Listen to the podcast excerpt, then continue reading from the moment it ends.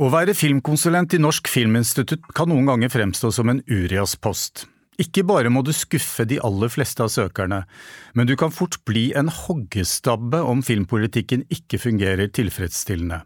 Eller som en frustrert NFI-konsulent sa til meg for mange år siden, du skulle bare ha visst hvor mange fester jeg ikke lenger blir invitert til. Nå er kanskje ikke dere noen festløver, eh, Cecilie Aspenes og Rodrigo Storchef, men velkommen skal dere være. Takk skal du ha. Altså, dere er begge fiksjonskonsulenter i Norsk Filminstitutt. Ja. Og du har vært der noen år, Cecilie, og du begynte jobben i fjor, Rodrigo. Eh, jeg fikk lyst til å spørre først, altså da dere gikk inn i rollene som filmkonsulenter, hva slags oppfatning hadde dere av jobben, og hva har overrasket dere mest i overgangen til den? Cecilie? Eh, jeg tror jeg egentlig var ganske godt forberedt, eh, fordi det er en jobb jeg har ønska meg i mange år. Eh, så jeg tror jeg hadde en ganske grei formening om hva jobben gikk ut på. Jeg også, hadde også en ganske grei formening om hvilke kvalifikasjoner som behøvdes. Så helt ærlig så har jeg ikke fått noen særlige overraskelser i forhold til hva jobben går ut på. Jeg har heller ikke fått noen særlige overraskelser i forhold til det du snakker om med Urias-post og utskjelling og sånne ting. Jo, det har jeg opplevd, selvfølgelig har jeg det. Eh, men det var jeg også ganske godt forberedt på. Jeg, jeg veit jo liksom at eh, forhånd, på forhånd at det var tidligere konsulenter som har snakket om at mennesker som du kanskje møtte til en kaffe, plutselig gikk på andre sida av gata når de så deg og sånn, og det tenker jeg at ja ja, men ok, så, så er det de fire åra, da, hvor det mm. gjelder. Um, og så tenker jeg også at eh, jeg har jo vært på andre sida sjøl, jeg har vært søker sjøl, eh, så jeg veit jo hvor mye et prosjekt betyr når du går i gang og går inn og søker. Du har vært, du har vært skuffet selv?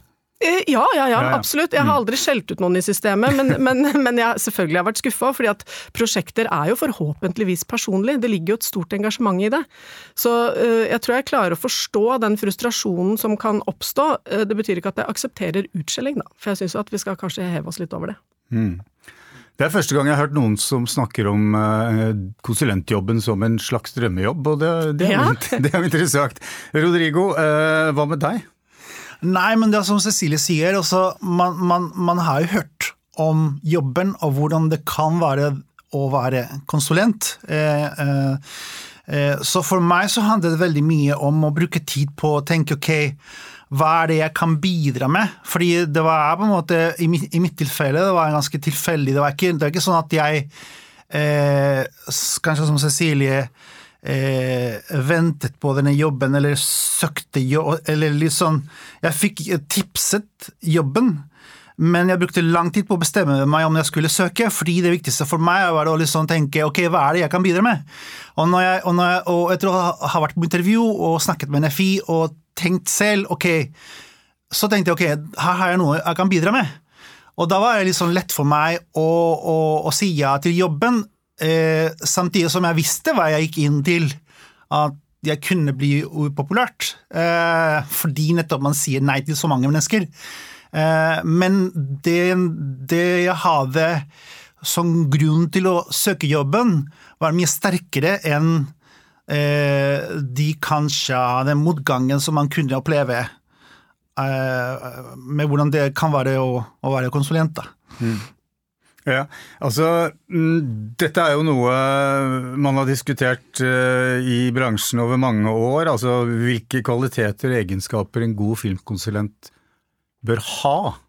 Eh, og, og det krever jo på en måte også kjennskap til hvordan arbeidet fortoner seg i dag. Eh, hva, hva vil dere si en filmkonsulent trenger av altså Ikke kvalifikasjoner, men altså kvaliteter? Egenskaper? Mm. Dere har jo berørt det litt nå. Eh, litt, litt tykk hud er jo ja, ikke et handikap? Nei da, jeg tror nok det å ikke være så veldig hårsår, eller ikke ta ting så personlig. Altså herregud, vi er jo bare mennesker som alle andre, selvfølgelig, så, så man kan jo bli lei seg hvis man får en hårføner man ikke føler man fortjener. Men, men samtidig så tenker jeg det der å prøve å skille liksom sak og personlighet, det er klart jeg har sett mange nye sider av folk jeg kjente fra før som jeg ikke har sett når jeg ikke var konsulent.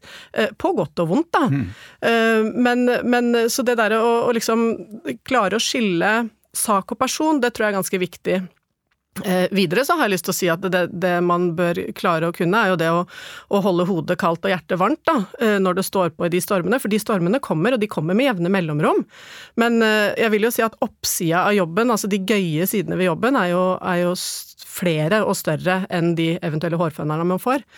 Eh, men tilbake til egenskaper. Jeg tror det der å være ærlig og klare å være direkte uten å være ufin, er greit å ha med seg, fordi um, jeg har jo også sjøl sittet med konsulenter som jeg har opplevd at har på en måte ikke nødvendigvis lova meg noe i en søknad, men, men som har snakka så bra om prosjektet og med så store ord at du tenker at ok, nå går den søknaden inn. Det har jeg nok tatt med meg sjøl, at jeg ikke vil gi folk falske forhåpninger. Og så tenker jeg jeg vil heller ta en diskusjon hvor en søker kanskje blir eh, frustrert over eh, å ikke få positiv nok feedback enn å gi falske forhåpninger med for mye positivitet. Eh, og så må jeg si at jeg samtidig er et veldig engasjert og positivt menneske, da, så det er en balansegang der hele tida, med å ikke gi folk falske forhåpninger, men eh, heie på prosjektet likevel. fordi selv om det ikke får støtte hos NFI, så betyr det jo ikke at prosjektet er verdiløst. Nei, men, men, men, hvis vi går Rodrigo, litt inn på dette med, med bakgrunn og kvalifikasjoner. altså hva, det, altså Man leser manus, man vurderer prosjekter, man vurderer helheten. Og så skal man vurdere dette vanskelige som er et regitalent. Mm. Uh, altså Det er jo et sett av uh, hva skal vi si, kvaliteter man leter etter. Ja, men altså Når det gjelder f.eks. min eh, bakgrunn, jeg har jobbet som eh, regissør, eh, lærer, filmlærer. Eh, jeg kommer jo fra Westerdals, blant annet, som underviser, og som klipper også. Så jeg har jo både liksom praktisk og akademisk erfaring med det og litt sånn jobbe med filmprosjekter. men igjen tilbake til det jeg sa om det hvordan kan jeg bidra eh, i denne liksom, jobben? Altså, noen av De største erfaringene her er prosjektutvikling, fordi bl.a. fra Westerdals, så det vi har jobbet med, eller det jeg har jobbet med i 15-16 år, er jo talentutvikling, prosjektutvikling. Så, så, så, jeg kjenner veldig godt hvordan det er å være på begge sider av en filmskaping.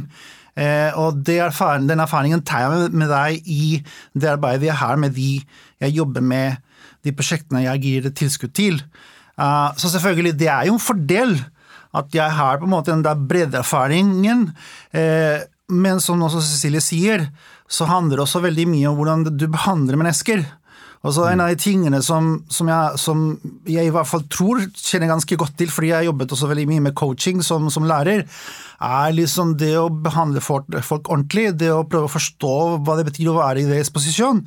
Og det å være på en måte en, en, At du bidrar til prosjektet, men uten at du farger for mye prosjektet. Også, skal, de skal ikke gjøre ting på bestilling for oss.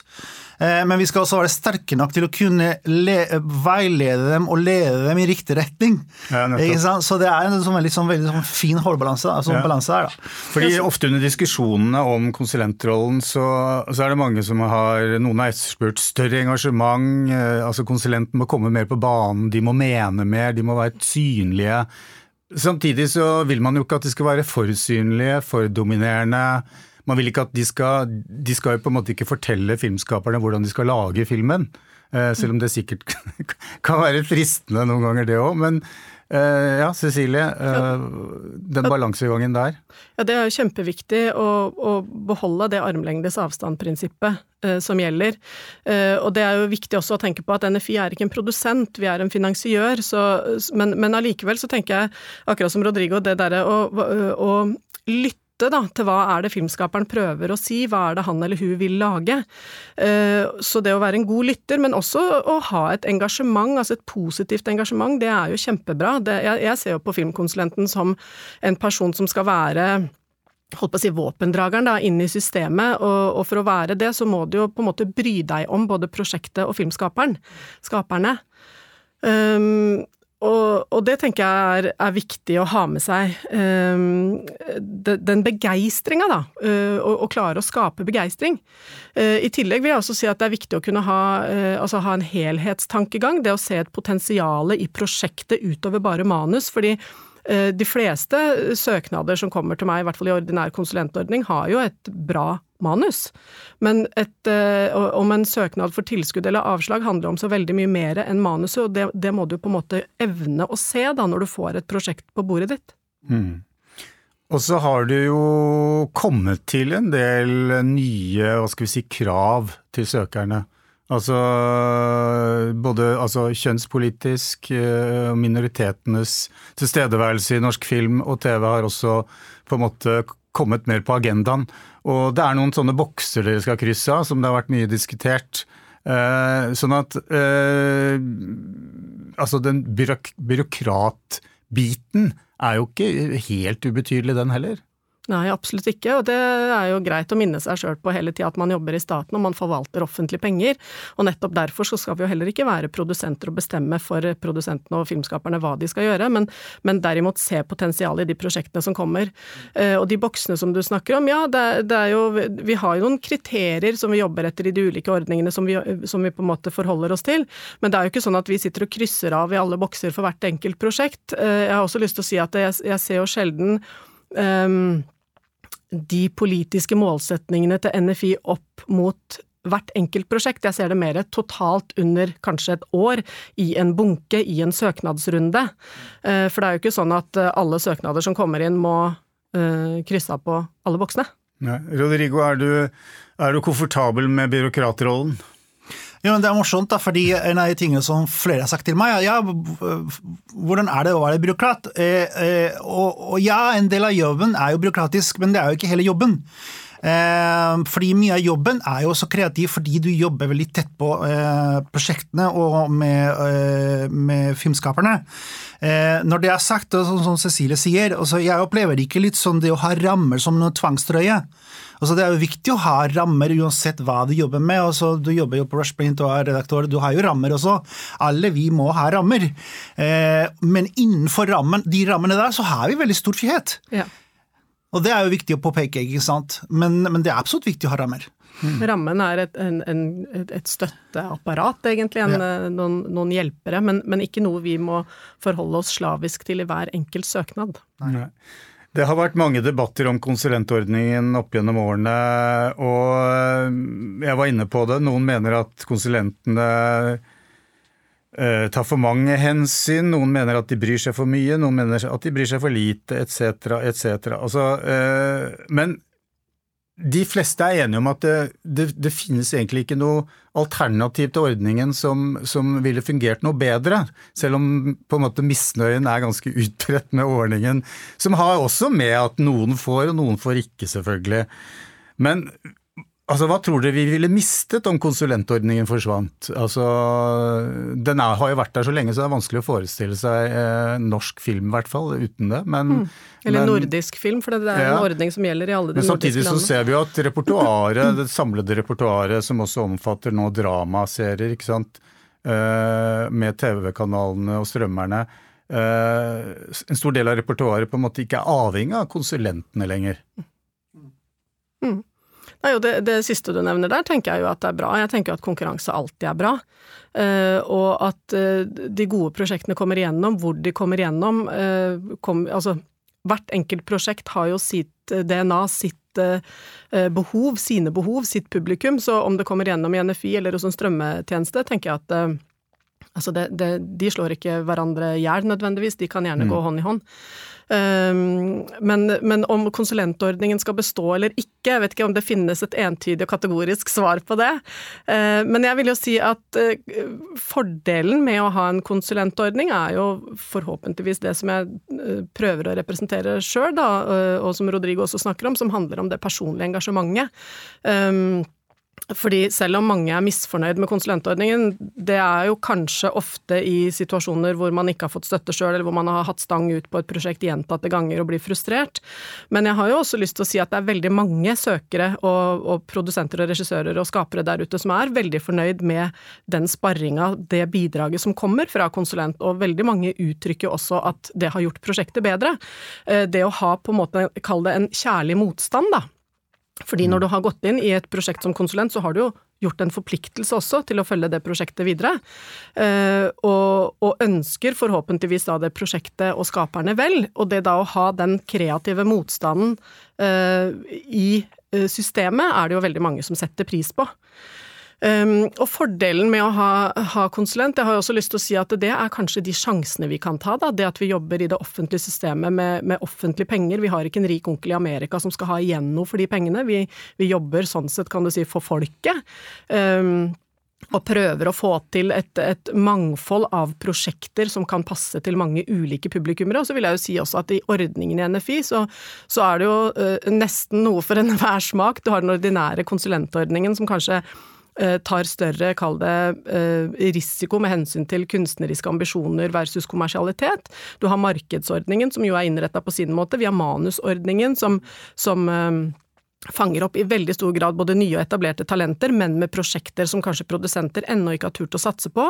Vi har Neo, som jo er en uttalt talentutvikling, eh, og, og dette gjelder jo da både for fiksjon og dokumentar, at det, at det finnes flere mm. ulike ordninger hvor man kan satse sitt prosjekt. Da. Ja, og da gikk jo du gjennom det som ideelt sett jeg burde gått gjennom fra starten av. Hva er NFI, og hva holder dere på med? Men, men eh, vi har ikke tid til å gå gjennom alt. Men du nevnte Neo, og du Altså Dere jobber jo med litt forskjellig talenttilfang. altså Du Rodrigo, jobber jo med Neo, ja. som jo er uetablerte talenter i veldig stor grad. Eh, Debutanter.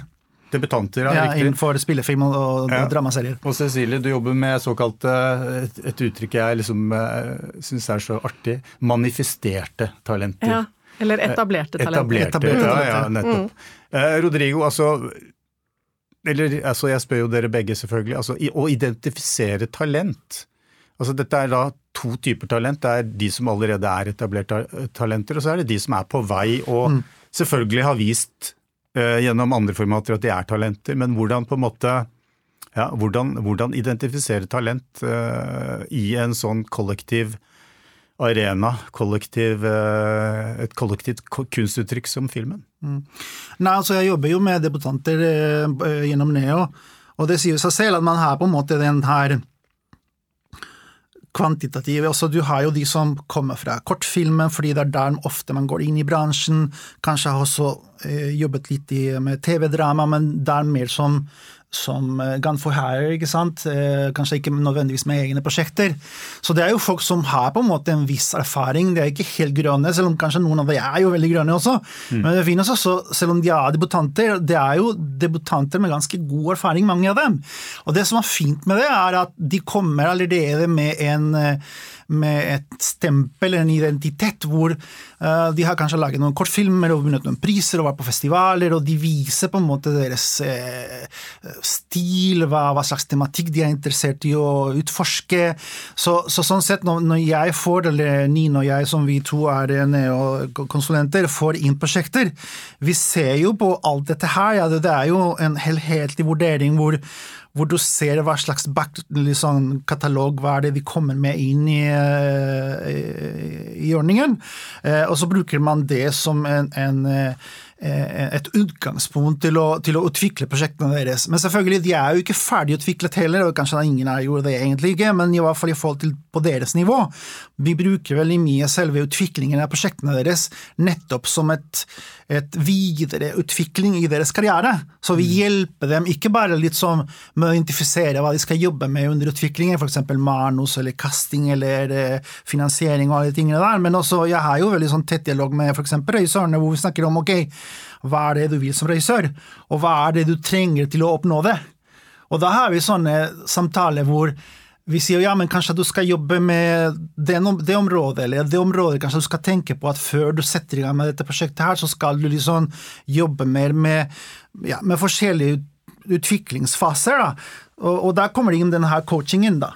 Mm. Eh, og det blir på en måte talentutviklingen. at eh, Det handler ikke bare om å, liksom, å si ja eller nei til et prosjekt, men du også har en dialog med disse filmskaperne og prøver å hjelpe dem på veien til å bli bedre filmskapere. da. Mm. Cecilie, så har, så har, du de etablerte talentene. altså La oss bare ta et navn. Eh, Joakim Trier. Eh, og, og, og, en rekke andre profilerte regissører. Og, og får de noen form for Altså, de har jo en track record og det må man jo ta hensyn til. Ja, selvfølgelig. Men samtidig så sier dere jo ofte at men hvert prosjekt skal vurderes isolert, og det må være det beste. Mm.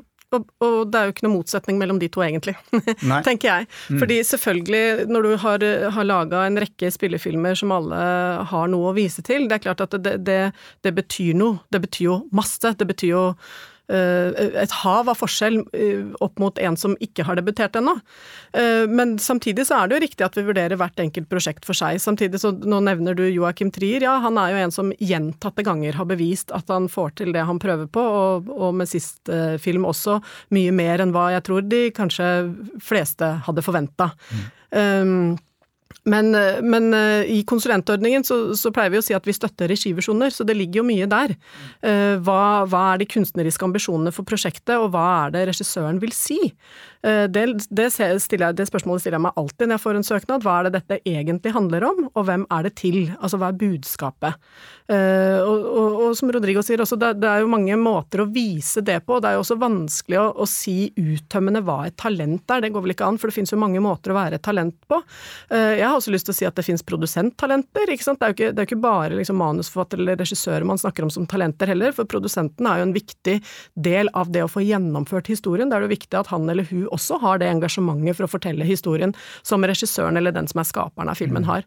Eh, Men så har jeg lyst til å si også at i i mine søknadsbunker så handler det også kanskje mye om å, å tørre å satse på én, nye talenter, men også å tørre å satse på at en etablert regissør kanskje prøver noe annet, hvis han eller hun har lyst til å utforske nytt territorie, enten det gjelder sjanger eller målgruppe eller samarbeidspartnere for den del, um, så, så er jo det sjanser vi også bør være med å ta, da.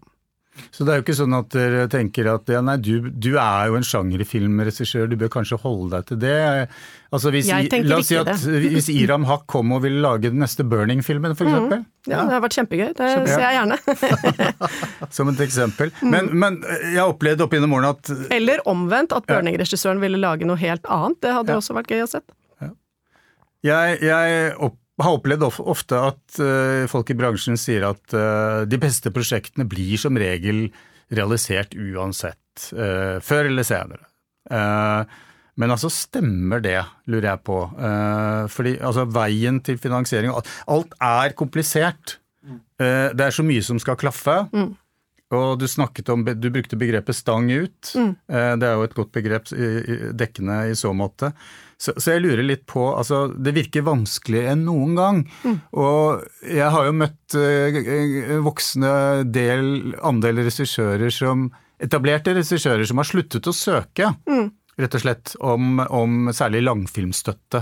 Fordi det rett og slett nåløyet er blitt så trangt at de eh, regner det som usannsynlig at de, at de får noe. Og når, når også de eh, tenker sånn, så er jo det et lite tankekors, ville jeg kanskje tro. Fordi dere vil jo ha de, de, de største talentene, dere vil jo at de skal søke. Mm, vil, jo, vil jo at de største talentene skal få lage ting. Ja. Uh, Så jeg holdt på å si, det, det er jo et, et ja- og nei-spørsmål du stiller. For jeg tenker at det at ikke de etablerte talentene som du da har snakka med, ikke vil søke NFI, trenger jo ikke å være et problem, hvis det Nei. betyr at de får lagd prosjektene sine andre steder, som, som blir Altså, ferdigstilt og min erfaring er, bare for å si det, at, at de fleste av de har da søkt tilflukt, om jeg skal bruke det ordet, i dramaformatet. Ja. Uh, og, og det er ikke sikkert de vender tilbake til langfilmen. Nei, og det, selvfølgelig er det på, på langfilmens premisser veldig synd, fordi eh, altså, personlig er jeg veldig opptatt av kinofilm og har et hjerte i kinoen og, og mener at vi har et ekstra ansvar for å passe litt på spillefilmen, men jeg syns ikke allikevel at det er et problem at etablerte regissører eh, kanskje eh, like gjerne får eh, lagd sine historier i TV-dramaformat, eh, hvis det er der de historiene passer, fordi at det er ikke, altså noen historier passer bedre på, eh, som TV-serie, andre passer bedre som spillefilm. Og så har jeg lyst til å si også at i søknadsbunken min så ser jeg jo veldig mye etablerte talenter som søker om spillefilm. Det er mange som bare vil lage spillefilm. Eh, Så jeg er nok ikke sånn kjempebekymra, men at jeg er bevisst, ja. Men, men de får jo kanskje ikke ofte realisert sine prosjekter i serieformat, eh, dramaserieformat, fordi der er det jo eh, serieskaperne og produsentene som har, og, og ikke minst kanalene som på en måte styrer i større grad, så, så de får vel ikke den grad av kunstnerisk frihet og boltringsrom der. Jeg tror det kommer litt an på hvem Ja. du er som regissør, og så har jeg lyst til å si at det er mange regissører som også er serieskapere. Eh, Men, men det er klart at det er kjempekamp om midlene nå. Ja, det er det. At det er større kamp enn noen gang. Ja, det er det. Men det er også flere muligheter med TV-dramaboomen. Selv om, eh, hvis man skal være helt ærlig, så vil nok mange også si at det, at det er eh, Jeg skal ikke si kanskje en utflatning, men altså at det er eh, det er litt stopp hos enkelte kanaler med å ta inn nye og satse på, på helt uerfarne der også, da. Um, men um, eh, Nei, hva, hva Nei, men det er jo riktig som du sier, at man har vært gjennom en, en, en periode nå hvor, eh, hvor eh, strømmerne har satset eh, eh, på en måte som vi aldri har sett før. Mm. Uh, og Viaplay har kommet på banen og brukt masse penger på norske serieskapere. Så flere, Altså- strømma, eller flere aktører også med strømming har kommet til, Ja. men noen har jo også trukket seg ut igjen. Og så tenker jeg at det, det, det viktigste er jo at de beste historiene kommer opp og frem. Noen passer for TV-drama, noen passer for kino. Uh, og både personlig og profesjonelt så har jeg alltid hatt et stort bankende hjerte for kinoen. Og, og i, altså vi jobber jo i flere ordninger, vi som er fiksjonskonsulenter. Jeg jobber jo ikke bare i, i kall det min egen ordning, jeg jobber også med manusutvikling. Eh, og jeg må si at der er jeg veldig påpasselig med at det alltid skal være en eh, overvekt av spillefilmprosjekter. Ja, for, Altså, ja. det altså er noe litt sånn i forhold til spørsmålet ditt. Eh, jeg tror liksom, jeg opplevde selv som, som regissør for mange år siden at jeg søkte, bare for å illustrere kanskje en, en, en vinkel på dette her, da, liksom jeg opplevde at jeg søkte med et prosjekt, og så fikk jeg dette, vi snakker om 15 år siden, da. Jeg søkte med et prosjekt, og så fikk jeg feedback fra NFI at eh, nei, vi lager ikke sånne filmer i Norge, blant annet. Eh, Det var en på en måte slags sjangerfilm, da. Eh, Og da så jeg som Da tenkte jeg som filmskaper ja, men da gidder jeg ikke søke mer hos NFI. Ikke sant? Liksom tilbake til spørsmålet ditt.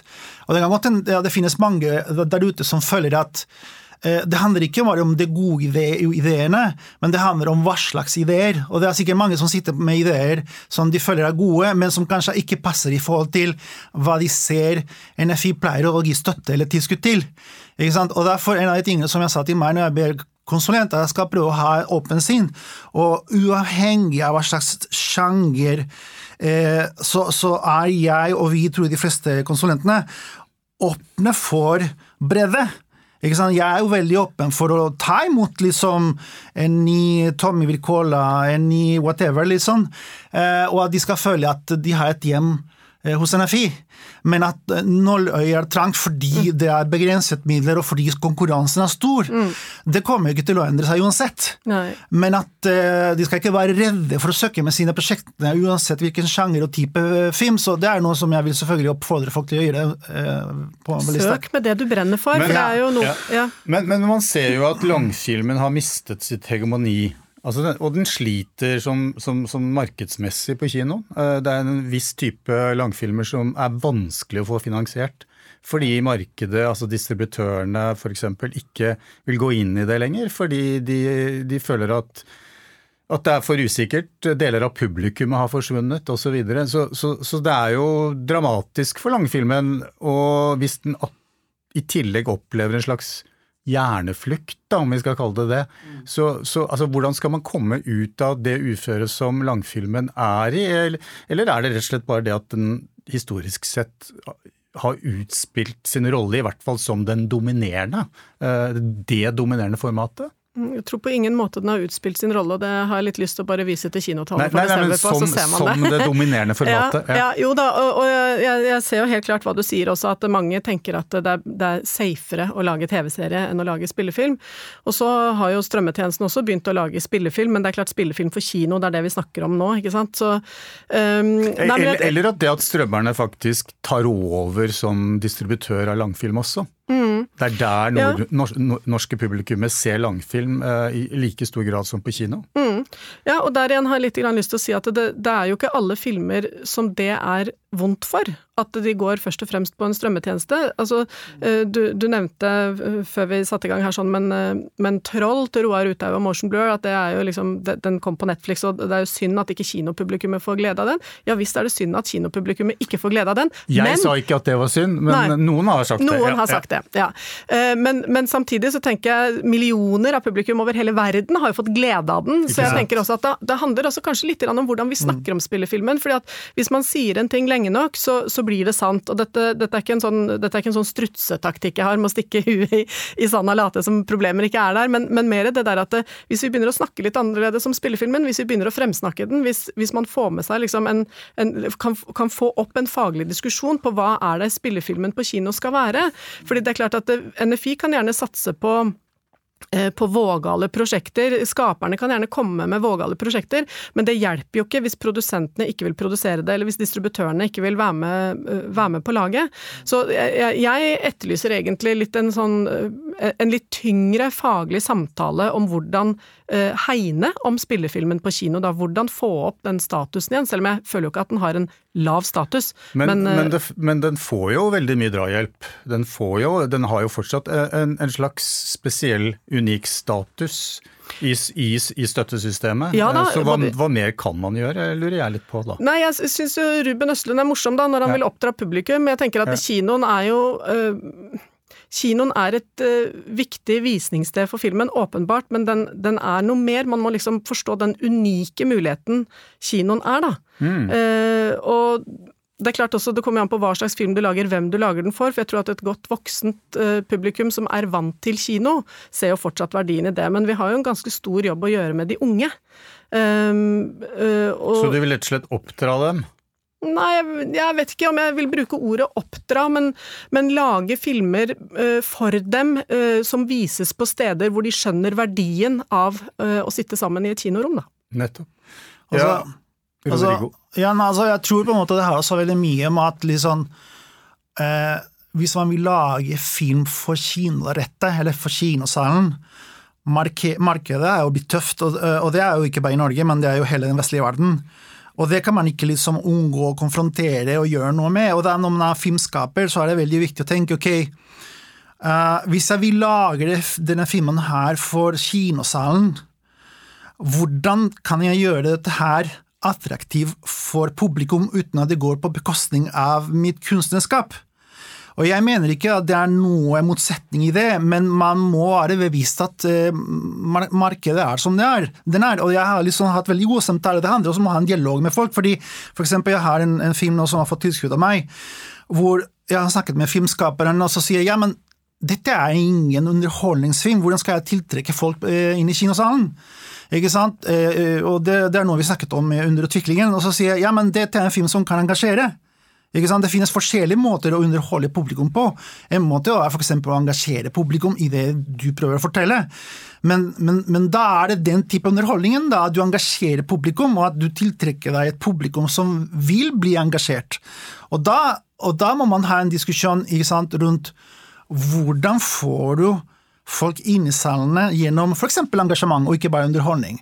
For Det jeg syns er litt farlig nå, er at det skjer, altså, i hvert fall i Norge så har det skjedd en polarisering mellom eh, underholdningsfilmene, ikke sant? de store eh, markedsfilmene, og disse såkalte Arthouse-filmer, mm. som er gode, men som en del av dem sliter med å med å tiltrekke folk inn i salene. Og da må man ta, tenke et skritt tilbake som filmskaper og tenke ok, hva er det jeg kan gjøre da som filmskaper?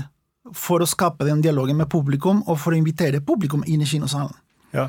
Kjenne sitt publikum, rett og slett. Ja. Nei, ja, fordi jeg har jo, som en del andre, sett uh, europeiske arthouse-filmer på kino i herrens mange år. Uh, uh, men primært på festivaler. Og ser nå, de siste årene har jeg bare sett at det er jo ingen som ser disse filmene. Nei. Jeg ser strålende filmer på festivaler. Cannes, Berlin, you name it. Mm. Og de får, eh, altså, de får nesten ikke noe publikum i det hele tatt.